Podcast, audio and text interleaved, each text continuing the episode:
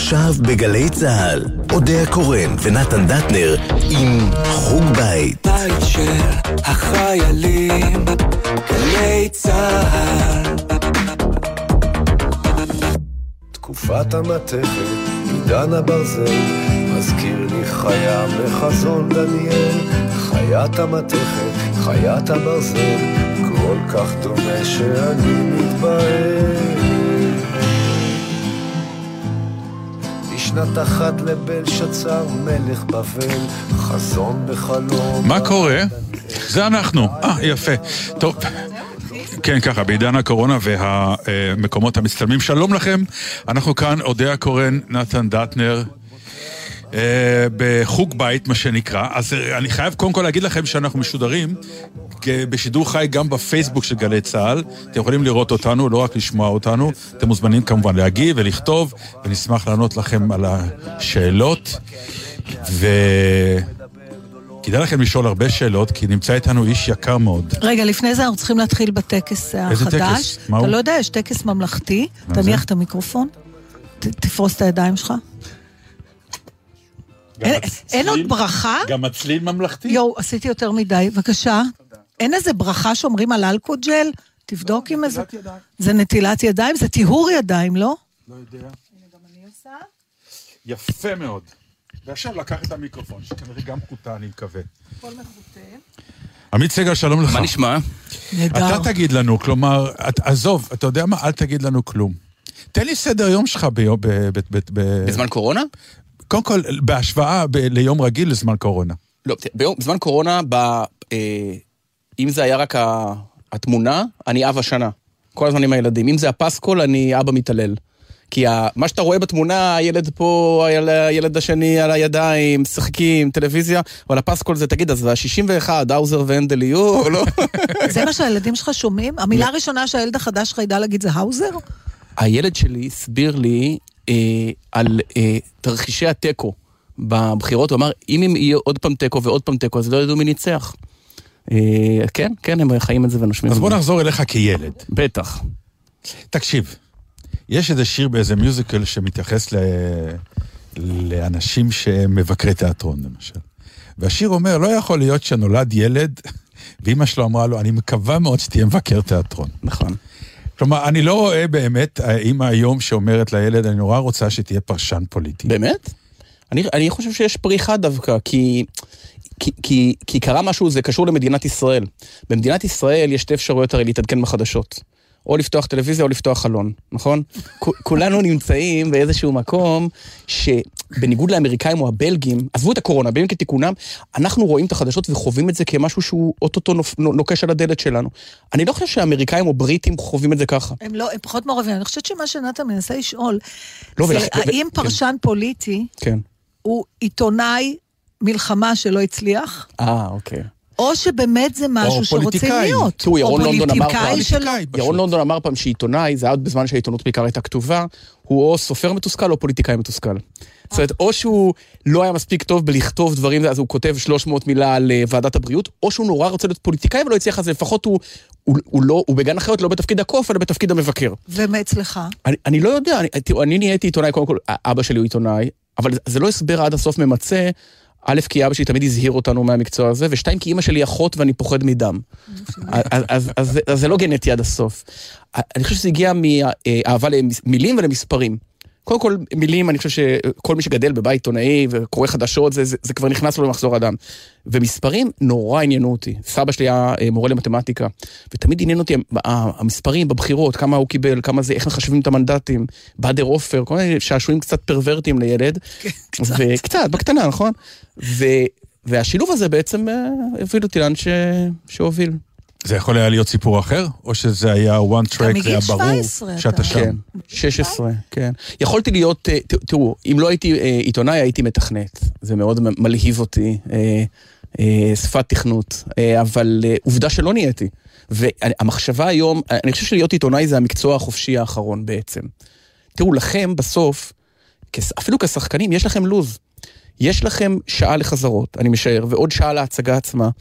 בעצם לעיתונאי, חוץ משמונה בערב, סדר היום שלו הוא, הוא, הוא, הוא, הוא הדבר הכי רחוק בעולם ממשרד. עכשיו, פעם זה היה ככה עורכי דין, שהיו עצמאים, אה, ופעם זה היה רואה חשבון, זה נעלם. העיתונאי היום, ובזה הקורונה אגב תשנה את העולם בחזרה לכיוון הזה לדעתי, כולנו נהיה פרילנסרים באיזשהו אופן.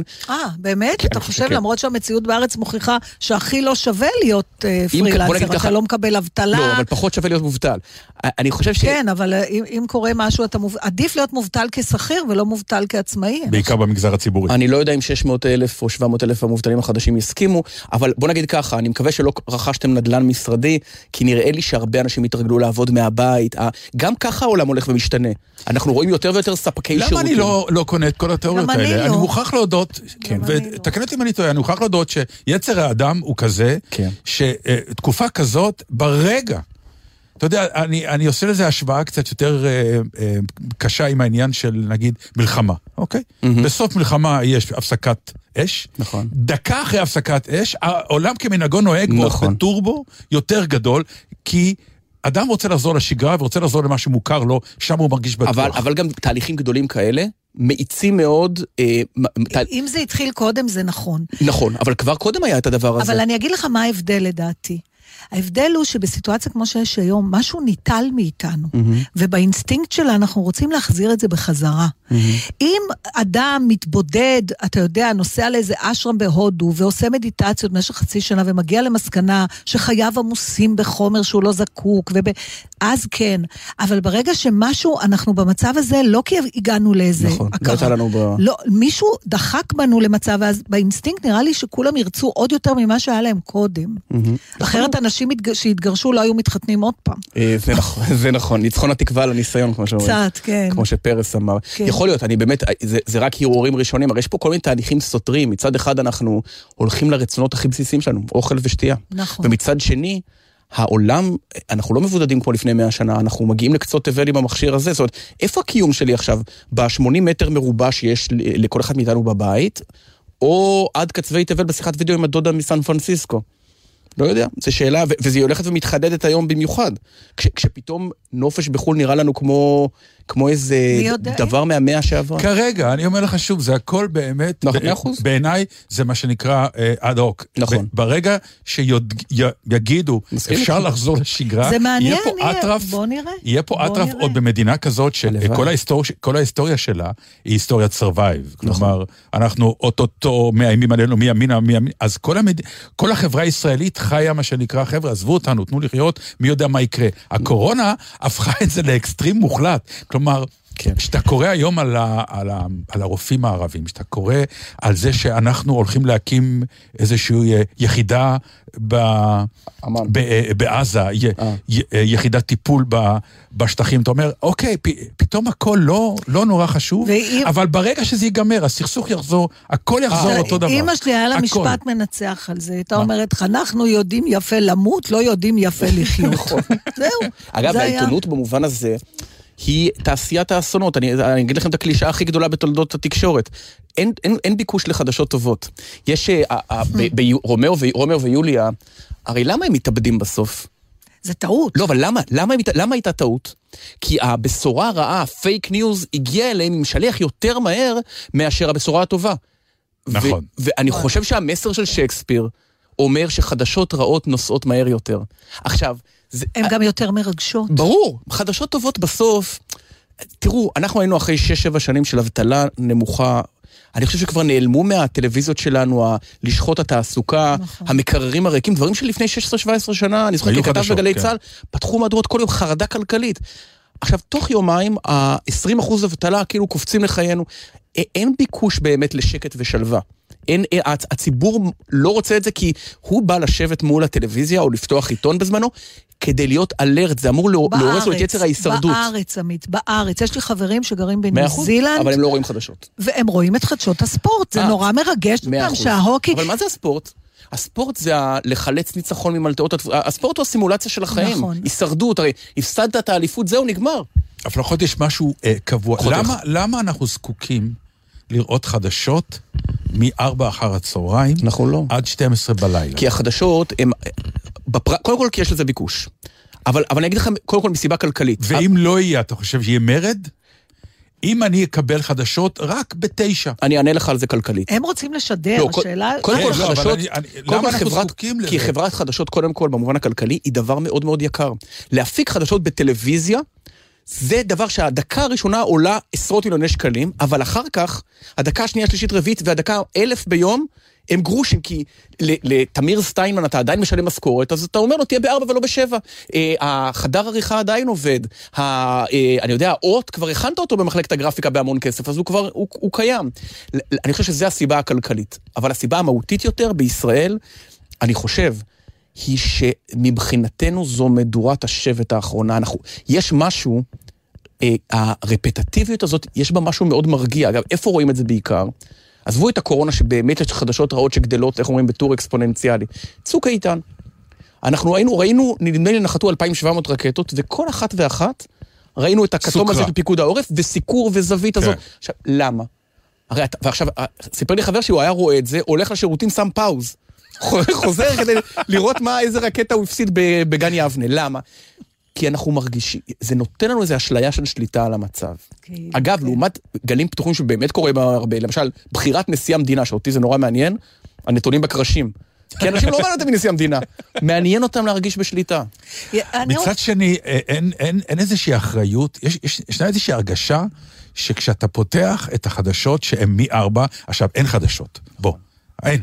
החדשות הן כשה- אה, כשראש הממשלה יבוא בשמונה, הוא ישן את החדשות, עד אז אין. אני גם על זה לא יודעת אם אני- יש חדשות, אפילו- אבל לא ניכנס זה, לזה. אפילו זה, אבל אני אומר, עכשיו, מ-4 אנחנו שומעים פחות או יותר את הבקרוב של, נכון. אחר כך את הבקרוב של הבקרוב שיהיה, נכון. ואחר כך בשבע וחצי מה יקרה במהדורת שמונה, ובשמונה מספרים לי מה בעצם סיפרו לי בשבע וחצי. אבל למה ללכת רחוק? עזוב, בימי קורונה זה עוד קורה משהו. הרי המשדרים הם גם בימים כתיקונם. כבר היום מ-4 יש לך חדשות בכל הערוצים. המ- אגב. בערוצים איך המסחריים, מתמודדים עם זה אנחנו? תן לנו עצה כצופים, כי אני טוען שזה באמת, זו מתקפה על התודעה. זו מתקפה, מתקפה מטורפת, נכון. שגורמת לחרדה הרבה מס- יותר מאשר שליטה. צר לי, אבל אני מסכים איתך. אני אני יכולה אוקיי. לשאול שאלה אה, אישית? אבל לא כולם רואים מ-4 עד 9. לא אה, כולם. הוא הוא רואה, אני- הוא משתדל לא לראות ורואה, אני כבר לא נלחמת בזה, אני פשוט בוהה. כן. אה, אבל מעניין אותי, אני רוצה... שאלה אישית. לתאר לי מה את התהליך שקורה, שאתה יודע שיש לך זכות. אה, זה דבר נפלא. זה... אני אגיד את זה אחרת. הרגע הכי קסום בלהביא סיפור, הוא לעמוד בתור בסופר, לעמוד בתור בסופר ביום ש... שלאחר מכן, ולשמוע לפניך אנשים מדברים על זה. בלי שהם, עכשיו, אנשים לא באמת יודעים מי הביא את הסיפור, זה, זה, זה משחק של הברנז'ה. זה רגע מאוד נחמד, אז אתה אומר, זהו, זה חלחל לתודעה. התחושה שאתה מקבל סיפור היא אה, אה, דופק מואץ, אה, צמרמורת של התרגשות, אני מדבר על סיפורים כמו ממש... פרמיירה. אתה, אתה מזהה את זה כשזה זהו, סקופ? אתה מבין יודע? שיש פה אתה משהו? מבין שזה כל- סקופ או ב- יותר בדיעבד? קודם כל, כמו יצירה, כן. אתה לפעמים יש משהו שאתה חושב שהוא נורא גדול ו- ולא, ויש לך לפעמים משהו שאתה חושב שהוא נורא קטן, פתאום הוא טופח לממדים ענקים, כמו כי הוא אתה. בדיוק ניגן על איזה מיתר נסתר, אבל בוא נגיד ככה, עם השנים אתה כבר יודע, והיו כמה דוגמאות בשנה האחרונה, נניח, לא יודע, היועץ של, של בני גנץ אומר שהוא אה, לא מתאים, סכנה לישראל וזה, ברור לך שאתה מקבל את ההקלטה הזאת שיש בה משהו, שכולם ידברו על זה בשלושה ימים הקרובים. עצור רגע. איך אתה מקבל את ההקלטה? פיזית, זה סיפור מצחיק. אה, ידעתי שמתארגן משהו, שלושה ימים, ו... מה פירוש ידעת מה, אתם- שמתארגן אתה כמו משהו? מרגל קצת? יש כן. רשתות כאילו? מה לא, פירוש ידעת שהם... ידעתי שיש את האירוע הזה, ידעתי שהוא עשוי איך לצאת. ידעת? ממי ידעת? לא אה, שמות, אלא... ממישהו. שהכיר את המקור שלי, כן. ובאיזשהו שלב, אה, כבר נהיה יום חמישי שלפני הבחירות, כשהבחירות ביום שני, זה בערך המועד האחרון שאתה משדר את זה כשמצפונך עוד נקי, כי אחר כך זה ממש כבר נראה כמו תזמון ממש לערב שלפני הבחירות, וגם לה- זה כבר נטבע בשיטפון. והסיפור הפרוזאי היה שהבן שלי, עברי, הוא אצל... אה, אה, אוהב מאוד לשחק עם הבת של דפנה ליאל. חזרנו לילדים, לא יאומן. כן, והם שיחקו, ואז באיזשהו שלב אה, רצו לפגוש אותי, אבל ב... איפשהו שלא רואים. אז יש שם תחנת דלק אי שם באזור, שורש, שואבה, לא משנה. כן, צדקת, זה סרט ריגול. לא, ממש, זה- כן, רגע, רגע, כן. עכשיו, רגע, אבל כמו הסיפור הפרוזאי הוא. עברי, עברי נורא רצה פיצה מאחור ואיחרנו לפיצה. אז הייתי צריך להשביע אותו, להגיד לו, תקשיב, עכשיו ייכנסו לאוטו שני אנשים, לא אתה מאמין לא לך. אומר את השם שלהם, לאף אחד, גם אם לא... הילד בן כמה? ארבע וחצי, עוד מעט חמש. זה חינוך, אני שואל אותך. זהו, זה... תן לנו להעלות את פרופסור. הולידר לקו רגע. נכנסים לאוטו, אוקיי, שני אנשים.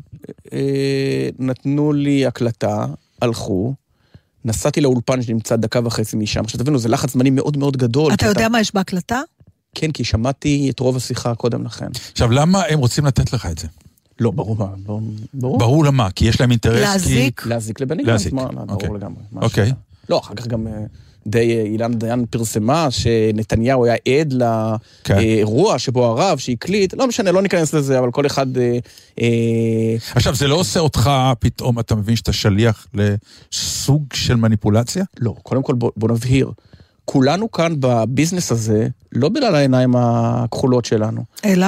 אה, המטרה של כל מקור באשר הוא, למעט יחידי סגולה, שההדלפות עצמם איזה מין צורך פסיכולוגי כזה לפרוק, וגם, וגם כאלה יש, או סתם משהו שמישהו אמר במקרה, כמו פרשת המניות של חלוץ, שפקיד בנק, להבנתי, פשוט סיפר את זה, והאדם שעמד בתור שמע והלך לאמנון דנקנר ממעריב, וככה זה פורסם.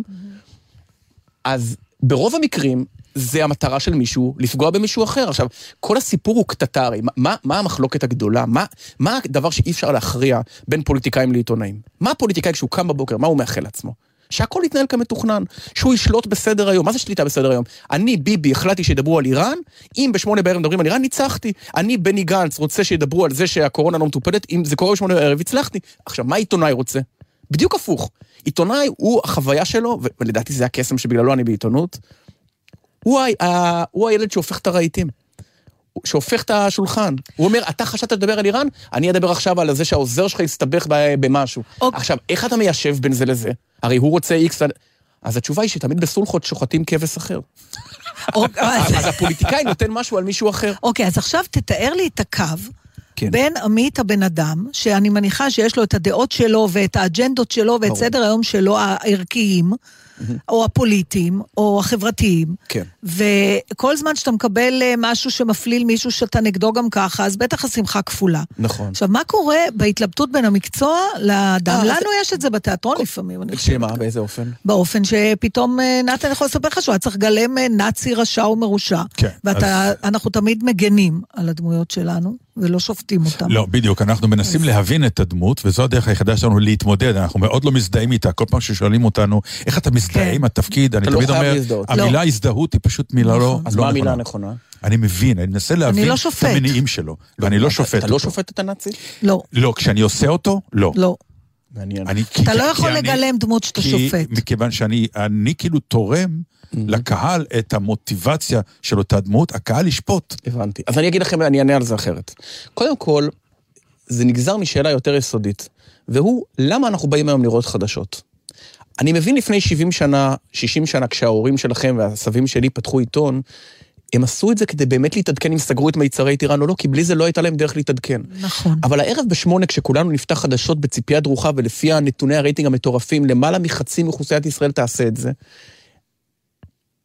למה אנחנו עושים את זה? אנחנו יודעים שהייתה קורונה, נכון? אנחנו מקבלים את זה מופצצים בהתראות פוש, בזה, כל היום. אף אחד לא יפתח ערב טלוויזיה ויגיד, אני לא מאמין, יש קורונה, מטורף, נכון? נכון. אז למה אנחנו, מה, מה החוויה הזאת? ואני חושב שהחוויה השתנתה, אני אנסח את זה אחרת. לפני אלפיים שנה היו בתי מלון, פונדקים, אנשים באו כדי לישון בהם.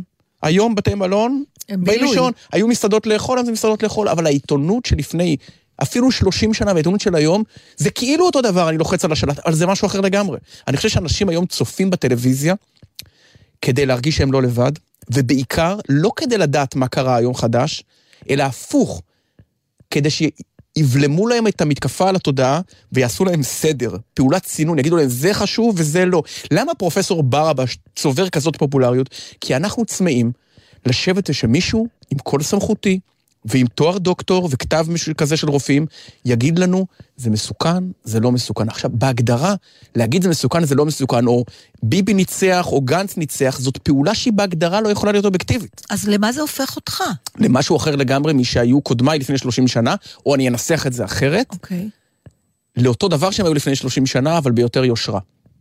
אני יותר יושרה דווקא? יותר כן, יושרה? כן, כי, אני, כי אני, אני כופר בהנחה שאומרת שאדם יכול לסדר לך, הרי גם, גם בתשע בערב במהדורת מבט, שמתי לב שאמרת תשע ולא שמונה, עוד שריד לימי ערוץ אחד. לא, תשע בגלל שראש הממשלה אה, מתחיל לדבר בתשע בתקופה אה, אוקיי. האחרונה. אבל מהדורת מבט שודרה בתשע וראו אותה 90 נכון. אחוז. עכשיו, מהדורת מבט, מה ש- הפכת אותי להעתיק מה בשביל... שהיה, לא, אבל. גם אני הייתי זה. הוא הפך אותך לקבוצת סיכון, היום אני זה לא... כבר בקבוצת סיכון, אני אחרי סיכון מסוכנת. מה שהיה, גם אז זאת הייתה הפעולה של לעשות סדר. כשעורך קבע, היום כשאני מחליט לשים, לא יודע, אה, התבטאות שערורייתית של אה, ביבי או להשתיק אותה, אז יכעסו עליי בטוויטר, אבל הם יודעים את זה.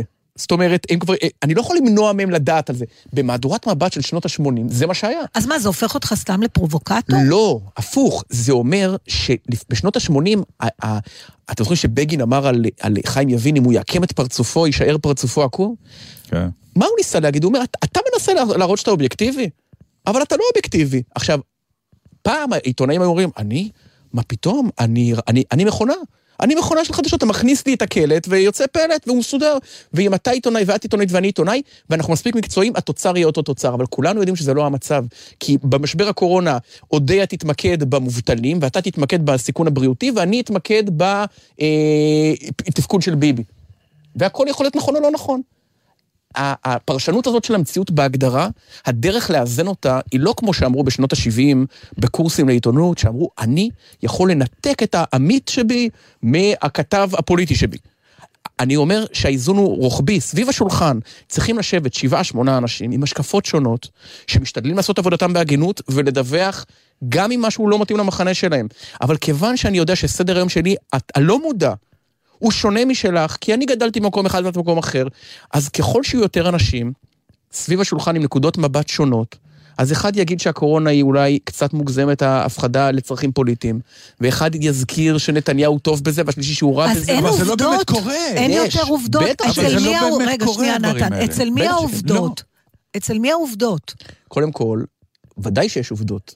אני, ה- ה- אני חושב שיש, כשאומרים על אובייקטיביות, שהיא מושג שבהגדרה לא יכול להיות קיים, כי הוא אומר שאנחנו מכונות לענייני עיתונות כמו מכונות לייצור תה, לא, זה לא מה שהן אומרות, אני חולקת על דעתך. אוקיי. זה, זה צריך לומר שאתה, בדיוק כמו שלא ידעו בתיאטרון מה נתן דטנר האיש חושב על הגיבור שהוא מגלם, כן. כי הקהל בא לראות, הוא רוצה לשכוח שזה נתן. נכון. הוא רוצה לראות אני את נותן הגיבור. לקהל לשפוט. נכון. ולכן אני שואלת, אתה, למה העיתונאים לא מנסים יותר להסתיר כן. את דעותיהם? קודם כל, יש ויכוח מאוד גדול בעצם. שימיו כימי העיתונות, האם עיתונאי באמת צריך להביע את דעתו או לא. מה אתה חושב עליך? אני, השת...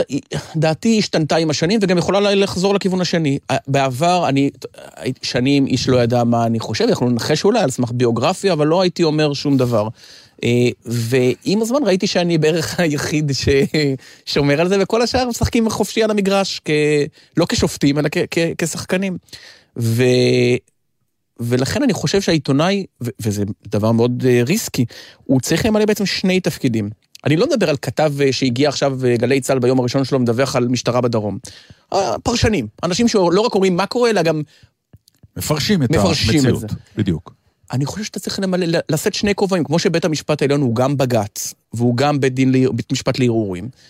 אני חושב שהעיתונאי גם צריך להיות בכובע המדווח שלו, לפרסם הכל, אם זה טוב או רע להשקפת עולמו הפוליטית, וגם להרגיש באותה מידה שיש לו גם תפקיד אחר, והוא להביע את עמדתו. אבל מה אתה בפרשנות, אם אני כצופה יודע מה עמדתך הפוליטית? אני אסביר לך.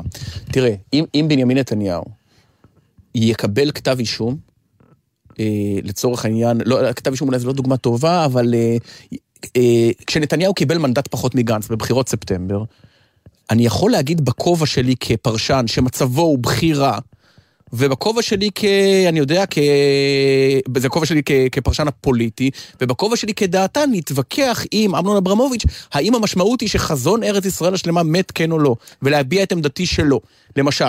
אה, אבל ה... כן, אבל זה הפך למה? אותי, רגע, זה הפך שנייה, נתן, אני רק- זה הפך אותי כצופה, להסתכל, לא רק של להיות אה, חשדן, לחפש מי אפילו, מפרש לפי הדעות שלי. אפילו שמחה לאיד לפעמים. נכון. כאילו, אתה מסתכל, אתה אומר, הנה, עמית עכשיו, אם עמית עם הפנים למטה, אה, ברור. זה- סימן ש... אני רוצה רגע המצב להזכיר- של מי שלא בדעתו, בשמיים. כלומר, זה כבר לא פרשנות, אלא אתה הפכת להיות סוג של נציגות. אני- באותה מידה כמו רביב דרוקר, שהפך להיות סוג של כן. נציגות מצד שני. אז אני אומר, ישנה איזושהי הרגשה מסוימת, כן. שכבר הפרשניות הפכו. להיות קצת דו-קרב בין הפרשנים עצמם, ואנחנו יושבים כמו במגרש נכון, טניס, נכון. ולא יודעים בעצם אני אגיד לך יותר מה קורה. חברים, תעצרו שנייה, כי אני רק רוצה להזכיר למי שמצטרף אלינו עכשיו ברדיו, שאפשר גם לראות אותנו בלייב, בפייסבוק, ואפשר גם לשלוח לנו שאלות.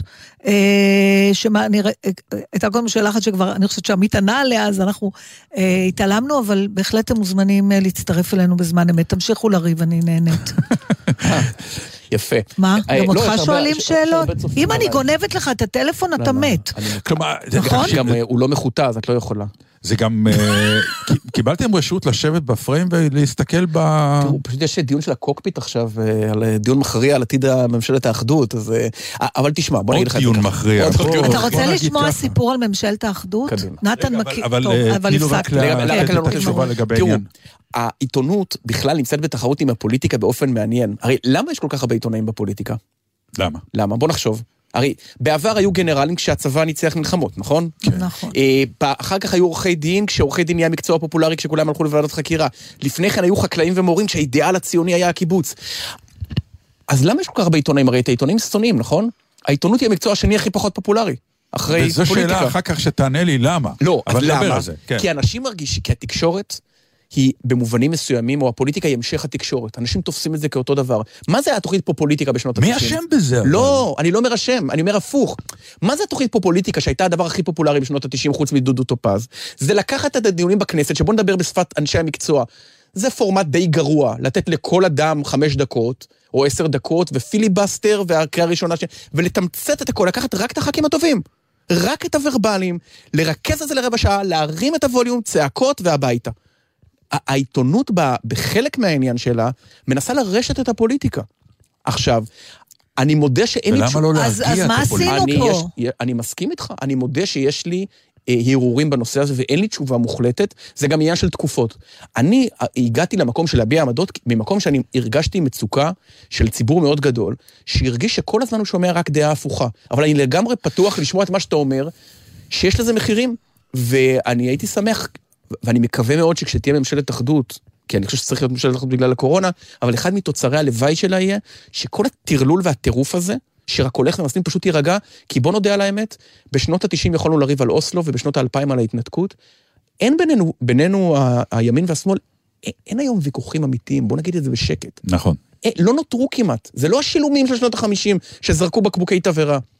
ולכן אני זה מקווה על הדרך, זה לא נכון שאין. ויכוחים, יש ויכוחים. אבל הוויכוחים הם הרבה פעמים לשם הוויכוח עצמו. עכשיו. אני אספר לך על, את הסיפור על ממשלת האחדות, ואז אנחנו נשמע שיר. וזה סיפור שנתן כבר מכיר, אז אתה תסלח לי. אבל אז אני אשתה. אתה תשתה. לפני כמה שנים, בעלי קנה אוטו, יד שנייה. והוא שאל את בעל הרכב המוכר אם האוטו עבר תאונה, אמר לו לא, לא, מכה קטנה פה שם. אבל הוא בכל זאת לא היה רגוע בעלי, אז הוא שלח את האוטו לבדיקה של המוסכניק שלנו, ולמחרת המוסכניק התקשר ואמר, האוטו באמת לא עבר תאונה, אבל שתי המכוניות שהוא מורכב מהן כן עברו.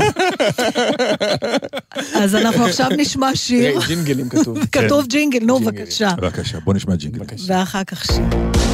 אתם מאזינים לגלי צה"ל.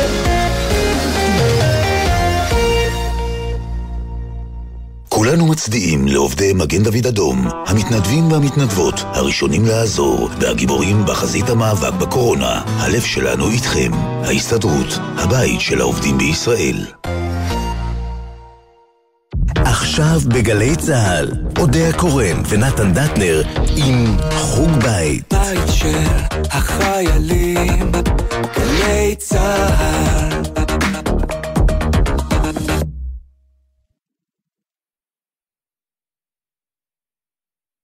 תקופת המ...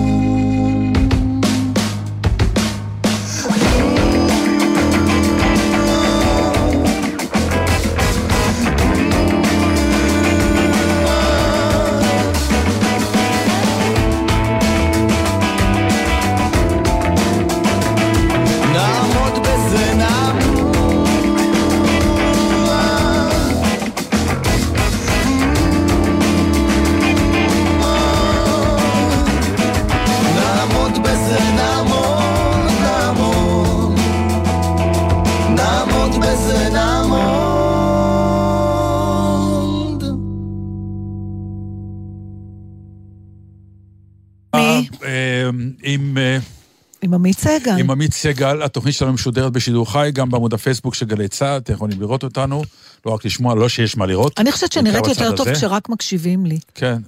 לא, ראיתי פתאום את התמונה. ה- לא, ראית כשיושבים והבטן תזדקף, צריך לשבת. זה נראה מוזר אם אני יושבת ככה, כי ככה זה מחמיא לי פשוט. האמת שכן. תגיד, אתה חושב על איך אתה נראה כשאתה בטלוויזיה? אה, לא מספיק כי אה, אני תמיד חוזר, ורעות, שאגב, אני פה רק בגללה, כי... אני פה בגלל אשתי. אשתי. כי- לא, היא אמרה לי, תלך, עכשיו, לא חשבתי שאני אקבל פס מהילדים היום. אבל היא אמרה לי, לא, לא, אודיה וזה קדושה. אז כאילו היה, קראו לי, כמו שהאלה הדתיות אומרות, לא, לא, לא, מנחה, מנחה. נכון, זה כן, חשוב. בדיוק, כן. אה, אני אהיה עם הילדים, אז היא- אז היא תמיד אומרת לי, אבל זה לא התאים הדבר הזה, זהו. מה זה השוונץ הזה בשיער? אה. בוא ניתן אה, שאלה ששאלו, פיני שואל, אייל, האם לא, הייתה, אייל, אייל. אייל שואל, האם יצא לעמית פעם להיכנס לוויכוח נוקב עם אבא שלו? אה, בשידור לא, כי אנחנו לא משדרים אה, אף פעם אה, ביחד, אבל... בבית? יש, יש לנו מחלוקות על נושאי דת ומדינה יותר, אני יותר, נקרא לזה, באגף הליברלי. אני בעד תחבורה ציבורית בשבת, למשל. במסגרת... ה- למרות שלא תשתמש בה כאן. נכון. ברור. לא, כי אני, אני חושב ש... לא, לא משנה, זה אמנת משנה. גביזון מידע, שיסגרו חנויות ויפתחו תחבורה ציבורית, כי, כי אז בעצם אתה מטיל מס על העניים. אה, לי יש פתרון לזה. נו. פשוט להתחיל למכור תחבורה ציבורית באוטובוס. ביום שני. לא, למכור באוטובוס, ואז אה. לפחות החנויות יהיו סגורות. כי אם כבר נוסעים, אז יקנו כמו באוטובוס. בברלין, ששם את ה... בכניסה לשירותים היו מוכרת לך מסטיקים. עוד שאלה שפיני שואל, האם הייתה ידיעה שלא פרסמת, כי ידעת שזה יכול או ליצור נזק, או... לא, לצערי הרב, יש לי עד היום איסורי מצפון על זה שפרסמתי ש... לא באמת איסורי מצפון, אישיים כמובן, על כן. איכות החיים. שאבי גבאי במשא ומתן נמרץ עם ביבי להקים ממשלה ביום האחרון של המשא ומתן הראשון במאי. עכשיו, אם זה לא מפורסם, טוען אבי גבאי עד היום, טוענים אנשי נתניהו, יש ממשלה, אין, חסכנו שתי מערכות בחירות, אבל פרסמתי. כן, כי זו הודעה ש... כן, שיצאה בדקה ה-90, ממש, ובעצם הרסה, הרסה את כל העסק, נכון? נכון. כי כל העסק היה בעצם. קם על הסודיות שזה נכון. קורה, וההפתעה. עכשיו, למה, אתה ידעת את זה שאתה לא, אז עושה את זה? זהו. שאלת על- האם אני יודע על סיפור שהוא יהיה גדול. אני מודה ש... היה לי ברור כל הזמן שיש משא ומתן כלשהו, אתה רק מחפש את ההתראה, אתה יודע, את ההתראה הממוקדת, איפה היא, באיזה כפר. ומצאתי אותה, והעורך שלי, גיא סודרי, אמר לי, תקשיב, חייבים לצאת עם זה עכשיו, לא לחכות לשמונה, השעה הייתה חמישה לשבע. עכשיו, אה, שעה וחמש דקות זה נצח, אבל אני אמרתי, מחכה למהדורה, לא הבנתי איזה. והוא נתן את זה, וזה באמת תפס אה, ממדים... אה, אתה יכול. לתאר לי, לדבר עוד קצת יותר על מערכת היחסים שלך עם המצפון שלך במקצוע? בעיקר כשאתה קם בבוקר. בוא נגדיר איזה מצפון. האם... אה, יש לך אה, יותר מאחד? לא, איזה, איסורי מצפון. ל- אה, אתה תגיד. כמו השיר של אריק איינשטיין, בקיצור, איך אתה ישן בלילה. אגב, איינשטיין, אה, הוא הוא התחרט כן, על השיר הזה. הוא אחר כך. התחרט? כן. הוא כתב את זה אחרי זה זה לא פייר, זו. שאלה לא פיירית, אבל יחד עם זה היא בלתי, היא ממש בלתי נמנעת. כן. אה, לא, תראו, קודם כל, אני אגיד לכם איפה איסורי המצפון. קודם כל, כשאתה מנסה לאסוף מידע, בהגדרה, אתה חייב ליצור את הרושם אצל המקור שאתה יודע הכל. כי אז יהיה לו יותר קל אה, לתת. מה זאת אומרת? רגע, זה אני אתן דוגמה. מתחום המשפחתי. אתמול, אה, הילד שלי, אני אומר לו, עברי, לא לקחת עוד שוקולד. אתה כבר לקחת שוקולד. עכשיו, אני התכוונתי לשוקולד שאני נתתי לו, ואז הוא אומר לי, אבא, איך אתה יודע? עכשיו, מסתבר, אני מחלץ מיד, שהוא הוא לקח. בלי שראית. עכשיו, מה אני אומר ישר? מה התשובה? כשעיתונאי שומע איך אתה יודע, התשובה היא, אני יודע הכל. ואז המקור שלך משוכנע שאתה יודע הכל. אתה תמיד צריך לשאול אצל רושם שאתה יודע יותר. זה כמו בלש פרטי, תקשיב. למשל קצת כמו- פישינג, יש משא ומתן לאחדות, כן. אז פעם ביומיים אתה צריך להתקשר להגיד, אה, אני מבין שהייתה, אה, שיש, אני מבין שיש פגישה, כי אז אה, היה הווה או יהיה, זה מין present progressive כזה, כן. ואז אתה בעצם, זה, זה מין fishing כזה, אז, אז האיסור מצפון, איסורי מצפון קלים. היותר משמעותיים זה באמת שאתה מפרסם משהו שיחריב למישהו את הקריירה. אה, זה לא נעים, אבל אה, שוב, אם זו לא רכילות, אה, אז מה ההבדל בין רכילות וחדשות? גם הגבול דברים שם שלא לא... אמורים לעניין את הציבור. מה לא... לא, מה, כן, זה ההבדל. מה אתה מדבר? יש... הכל מעניין את כל הציבור. גיא פינס בנוי על לכאורה כאילו. לא, אני אנסח את זה אחרת. קורה לפעמים שאתם שומעים על חקירת משטרה שנסגרת מחוסר עניין לציבור, ואתה כן. אומר, אבל אני הציבור, זה נורא מעניין אותי. נכון. למה סגרתם? והתשובה היא שיש הבדל בין עניינו של הציבור למעניין את הציבור. אותי זה... רגע, רגע, אל תמהר על זה. אוקיי. זה בשבילי משהו חדש, לא חשבתי אף פעם על ההבדל הזה.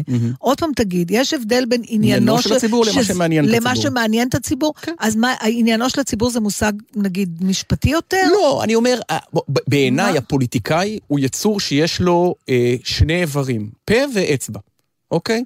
עכשיו, הוא, הוא, הוא, הוא, הוא לא מעניין אותי בחייו המשפחתיים, מעניין אותי האם כשהוא הצביע, הוא עשה את זה כי הוא קיבל אה, שוחד, או בתור פה, האם הוא מאמין למה שהוא אומר ופעם אמר אחרת, אבל אבל... איך אתה יכול להגיד דבר כזה? קלינטון הלוא בגלל מה שעניין אותנו בסיפורו המשפחתי, הוא הוא כמעט איבד זה, את ה... לא, אז אני אומר, באמריקה השבועת השקר הייתה אירוע משפטי. אה. כמובן שאם משה קצב מורשע באונס של מישהי, אז ודאי שזה מעניין, אבל, אבל אם, אם פוליטיקאי... הם- הם- וכשבי- סליחה, וכשלביבי בזמנו עם הקלטת, אבל, אבל ביבי בא מיוזמתו. כן, אבל, כן, זה אבל, היה- אבל אם פוליטיקאי בא... ביבי הקדים את העיתונאים אפילו. אם כן. פוליטיקאי אז- מתגרש, או, או אפילו אה, מכר איזה דירה ברווח, והכל כשר.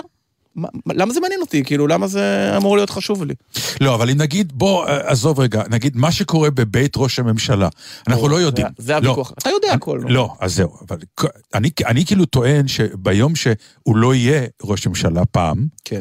אה, אז כל העיתונאים יצוצו לא, עם. כל הסיפורים. למה מחזיקים את הסיפורים האלה עכשיו? אני, אני, אני חושב שאין מקום מסוכר יותר מאשר אה, בית ראש הממשלה בהקשרים של, בואו נקרא לילד בשמו, אה, או, או לאימא של הילד בשמה, שרה נתניהו. כן. אני מודה שכעיתונאי, ה- בוא נגיד עד לפני שנה בערך, לא, לא הזכרתי את המילים שרה נתניהו בשידור, למעט בפרשת התאגיד, שאז באמת חלקה היה גדול, כי אני חושב שה... בסוף יש שלט, היה שלט אצל נשיא ארה"ב, The buck stops here, האחריות עוצרת כאן. הליכי קבלת ההחלטות הם בעיניי קופסה שחורה. אתה, תש... אתה ביבי, אתה תישפט על ההחלטות שקיבלת. אותי פחות מעניין האם מינית, או האם אה, החלטת לה- להסיר את משבר המגנומטרים כי יאיר אמר לך, או כי שר אמר לך ההפך, אבל אני אשפוט אותך על זה. על מתחום- עצם ההחלטה, לא מתחום. המניות, אני אגיד את זה ככה. אוקיי. במניה שנקראת בנימין נתניהו, ונסחרת בבורסה הפוליטית בישראל 30 שנה, מגולם לגמרי האירוע של שרה נתניהו. שום פרסום שאני אביא עכשיו על עוד נכון. מטפלת מספר 174, לא. לא ישנה, לא יגרום לך, לך, אם את אוהבת את ביבי, להפסיק. אבל השאלה, האם זה לא מתפקידך להמשיך להביא לי את העדויות האלה, ואני אחליט אם ואני זה אחליט מתאים לי או אם לא. זה אז מתאים לי מספר או לא. 175, 176, 177, 178? אותי זה לא מעניין כעיתונאי, זה נראה לי, זה, אותי זה משעמם. אגב, באותה מידה... אז אתה המ- כן רגע, מחליט המת- מה אז- אתה אז זה- בעצם... המטרה היא של- אם אתה שומע איזשהו דבר, שאתה אני אומר, בואי פרסמתי, נ... אני הבאתי לראשונה לידיעת הציבור את השם מני נפתלי. אני הראשון שפרסם את זה. אז אני אז ראיתי בזה משהו מעניין, כי הוא שיגר להם מכתב שאמר, אם לא תעבירו לי, תפצו אותי ב-X כסף, אני כן. אספר עליכם הכל. זה היה נראה לי מעניין. אבל, ב- ואז זה התגלגל לפרשת מני נפתלי, שהובילה, אגב, אנשים לא יודעים, לתיק אלף ולהסתבכות של נכון, כל ראש הממשלה. נכון. זאת אומרת, הכל התחיל שם. זרעי הפורענות של נתניהו כאילו- נזרעו בבית שלו, זה דבר מאוד מעניין. אני מודה שאותי זה פחות מעניין, אבל אני לא רואה שיש מחסור בשוק בסחורה הזאת. כי זה אז more אני of לא the אמכור same? פלפלים, יהיו מספיק... אה, כן, בדיוק. זו, אז זאת הרכילות בעצם, אבל, אבל ב, בעצם, אם, אם אנחנו, אם חלק מהציבור מאשים את ביבי במשהו, מה- הציבור עצמו, לא בית משפט, מאשים אותו בזה שהוא נתון להשפעות וזה. זה כבר קרה. כן, אבל אבל אני לא הריבוי... לא מ- אומר את זה. נניח כששרה נתניהו דיברה על בנט וניסתה לסכן את הקואליציה של בנט ושקד. בעצם היא יצרה את הפוליטיקה הישראלית כמו שאנחנו מכירים היום. כי, כי בעצם בנט ושקד נאלצו להקים מפלגה חדשה, והבית היהודי, ו-12 מנדטים, ואז ללכת עם לפיד. זה היה סופר מעניין. כי, כי עומד אדם נדהם ואומר, יש לו רוב, למה הוא לא מקים ממשלה? אבל במקרים, עוד פעם, במעון, בזה, כן. בעיניי רוב הציבור מסתכל על זה ומפהק. איך אני יודע? כי זה לא מזיז אף קול. לא רק זה, לבחירות. זה גם, זה, בעיניי זה כבר לא משרת שום דבר, גם לא את אלה שמתנגדים, כי, כי זה ממעיט מערך העניין, אם אתה שומע כל הזמן זה כבר נהיה סטנדרט. נכון. ומי ש... אביב שואל מי העיתונאי שאתה הכי מעריך שלא מסכים לדעתך. או לא אה, חולק יש כמה. וכמה, גידי וייץ מהארץ, אני מאוד מעריך אותו. מכיר אותו 20 ומשהו שנה עוד מכל העיר, הוא כתב חוקר כמו פעם, באמת. מה עם ורטר? ורטר גם, עמוס הראל, אה, אני, אני משתדל להפסיק למנות מהארץ, כי אני לא סובל את העיתון, אבל... מראש אתה אה, לא סובל אותו, זה לא, עיתון עם זה עיתונאים. מאוד מאוד טובים, כן. מסתבר. הוא לא אוהב את העיתון, אבל הוא מאוד מעריך את העיתונאים זה כמו שאומרים על השמאל שאוהב את האנשים, אוהב את האנושות, אבל לא את האנשים. בדיוק. לא, לא, כי הארץ יש בו את האגפים המטורללים, אבל כן. היה לזה סיפור אחר. אה, וכמובן גם בערוצים אחרים, בכלי תקשורת אחרים, ירון דקל, אחרים. איפה, מהיכרותך עם הפוליטיקאים, יש אה, פוליטיקאים שאנחנו לא מכירים. החמצנו מישהו? כמועמד לראש הממשלה. לא, בכלל, כפוליטיקאי שאתם יודעים שהוא עושה עבודה, יובל- או... או... אני חושב על יובל שטייניץ. כן, החמצנו אותו? באמת. תראה, קשה להגיד החמצנו למישהו שהוא שר כבר 11 כן, שנה. אבל, אני, אבל אתה צודק שאני עד היום לא באמת יודע תשמע, מה הוא, יש, מי היו הוא. לו שתי הצלחות אדירות. מה, איזה? האחת, שכיושב ראש ועדת חוץ וביטחון, לפני 17 שנה, הוא בא לראש הממשלה ואומר לו, תדע לך, יש כור גרעיני בסוריה. שלוש שנים לפני שבכלל אמ"ן אה, עלה על זה. פשוט מניתוח טכני גם של המצב. מהתור בסופר הוא שמע את זה. בדיוק, והם לועגים לו ובזים לו. וההצלחה השנייה, כמובן, היא בעיניי, אפשר לחלוק על זה, המאבק על הגז, שמצד אחד להגיד לתשובה, אתה תשלם יותר, אל תהיה חזיר, ומצד שני, אנחנו כן נדאג אבל שהדבר הזה יפותח, כי הגז הזה לא ישכב במים, לצערי אזרחי ישראל יכולים להרוויח ממנו. בעיניי הוא פוליטיקאי מוחמץ, כי הוא אולי קצת נתפס כטרחן ופילוסוף, הוא לא בדיוק הפוליטיקאי. כתבים פוליטיים מאוד אוהבים כוח. אנחנו מכורים לכוח, לאדם שלוקח את הכוח ומשתמש בו. זה לא התפקיד שלך, נגיד, נג- תראה, אני, אני חושב שאחת הטעויות, נגיד, מה שאמרת עכשיו על שטיינמיץ, היא באשמתך, לא, לא נכון, אישית, אלא. כעיתונאי, אתה, אני אומר, ברור. אתה היית זה שאמור... נכון. אז, אז, אז, אז איפה אני החשבון נפש שלי? נכון. תראה, קודם כל ב- ביום-יום... זה נחמד שהוא מראיין את עצמו, זה גדול. אני, אתה רואה, אני כן, שותקת כן, כבר, לא, אני אומר, מקשיבה, נורא זה- מעניין. לא, לא, אבל זה יש לי יפה. לא, כי אתה איש מאוד משוכלל מבחינה הזאת, כן. אבל אוקיי. טוב, לא תודה. רבה. כן. אה, I'll take it as a compliment. כן, כן, זו הייתה הכוונה, אם זה נשמע לא טוב, אז אני פחות. סיכון להידבק מקורונה כשאתה נכון, מראיין את עצמך. נכון, ועוד כמה דברים. כן. אני- אני חושב שהנשטף בשוטף, העשרה, מתוך המאה ה-20 פוליטיקאים, רובם, אתמול אמרו שחברת כנסת חלתה בקורונה. זה לא נכון, אגב. בסוף סאלח סונדוס. ורוב האנשים אמרו לעצמם. מי זאת? הרוב לא יודע. ככה רוב חברי הכנסת. נכון. ובעצם הפוליטיקה מתנקזת היום לביבי, גנץ, גבי, יאיר, עשרה אנשים. אז זה ההחמצה הראשונה. והשנייה היא, בזמנו שאתה אתה מחפש מישהו שייתן משהו נחרץ, אז הספקנות היא דבר יותר, אה, יותר בעייתי. צביקה האוזר, חבר כנסת, לפני חודשיים כל יום נדנד לי ולאחרים, אמר, תקשיבו, הקורונה, עזבו אתכם מהבחירות, הקורונה זה אירוע מטורף. הנה, הנה עוד דוגמא. עכשיו, אה, הם, אה, הם מחזרים אחריך כן. בתור מי... אוקיי, אז תספר לי איך זה... איך חיים עם זה? זה לא מביך? מה? שהם מחזרים אחריו, כי בעצם הוא זה שיהפוך אותם ל... אני קוראת לזה סלבים, לא במובן הפשוט, אלא הוא זה ש... זה לא בשביל הוא יכול הפרסום. להמליך בקיצור, אותם. אתה, הוא יכול- בדיוק, אתה ממליך, אתה ממליך אה, פ- אה, אתה פוליטיקאים. יכול לתת לא, עליהם קודם כל זה לא נכון. זרקור, לא ממליך, אבל הוא יכול... הוא יכול להמליך. אתה יכול להפוך. אותו למספר אחד או מספר שתיים או מספר שלוש, או מי זה. לא, הופקע המונופול, אני מאוד שמח על זה, של עיתונאים, עיתונאי אחד, לקבוע האם הוא יכול לה, להחיות או להמית פוליטיקאים מבחינה פוליטית. וזה אני שמח על זה. גם אם אני בערוץ 12, הפרשן הפוליטי, משדר שעה ביום, לא. זה, זה, זה כבר נגמר, הסיפור. יש מספיק אתרים, מספיק כלי תקשורת. אני כן, אה, אה, הם כן מאוד רוצים שהזווית שלהם תישמע בשידור. אה, אני רוצה ש- כן. לחדד, תחדד. הזווית שלהם, או יש שם איזה אלמנט. של אגו. אה. ברור שיש אוקיי, אלמנט. אז זה- מה- זה מוליך, אה, זה אקסיומטי לחלוטין. דרך אגב, נאור שואל אם אי כן, פעם רגע. צונזרת, ש- נאור רגע. בסדר, כבר אנחנו שואלים את השאלה. לא. הוא לא צונזר, תמשיך. אמ, אני שמח לשמוע את זה, דע לך. למרות שהתשובה אבל היא לא. פונקתי, אבל, אבל אה, נתן, לא, אני- יש- יש בזה משהו אה, באמת מעודד. אבל פונקתי, אני אגיד לך איפה. אה, אורן חזן תבע אותי דיבה לפני כמה שנים על מיליון שקל, וזה היה משפט מאוד מלחיץ. גם אותך. כן, ו, והמשפט נגמר כמו שהוא נגמר, וטוב מבחינתי, ואמרתי לעצמי, אני הייתי בחרדות איומות, והוצאנו המון כסף על להביא את העדים מנפאל ומזה. אמרתי, אם הייתי סתם באתר זוטר, והוא לא היה אורן חזן, אלא ביבי, או, או פוליטיקאי בכיר אחר, כאילו, אני פונקתי בחופש עיתונות כי הייתי בגלי צה"ל שבאופן אבסורדי לגמרי, באותם שנים הייתה, הרבה מאוד שנים, אני מקווה שגם היום, המקום עצמאי כי הוא לא נשלט בידי אה, בעלי הון, ויש איזו הפרדה כזאת בין המטכ"ל לזה, ו- ומצד שני, ו- ואחר כך בחדשות 12, שהיא פשוט גוף מאוד מאוד חזק, אז מפחדים להתעסק איתו וללחוץ עליו, אבל אני מכיר עיתונאים מימיני ומשמאלי, לא באולפן שלי, אבל בחברות אחרות, עיתונים אחרים, שלא יכלו להגיד כל מה שהם רוצים כל הזמן. אתה מקפיד שלא יהיו לך חברים פוליטיקאים, או אין לזה לא, משמעות? זה די, קל- זה די קל היה, בוא נגיד, אתה מסתובב בחוגים כאילו? לא הייתי בבית של אף פוליטיקאי למעט בברית של. הבנים? מה פתאום? לא. לא, גם לא הזמן. להזמין? כן. לא, יש חבר, יש חברים שנהיו פוליטיקאים, אורי אורבך זיכרונו לברכה. כן. אבל, אבל אה, מישהו שנהיה פוליטיקאי ואומר, תבוא לארוחת ערב, אני תמיד דוחה את זה בנימוס, כי זה לא מעניין אותי, אני מבזבז את הערבים שלי על... יש אה, דבר כזה שנקרא עיתונאי בית? בטח. אנחנו יודעים לזהות אותם?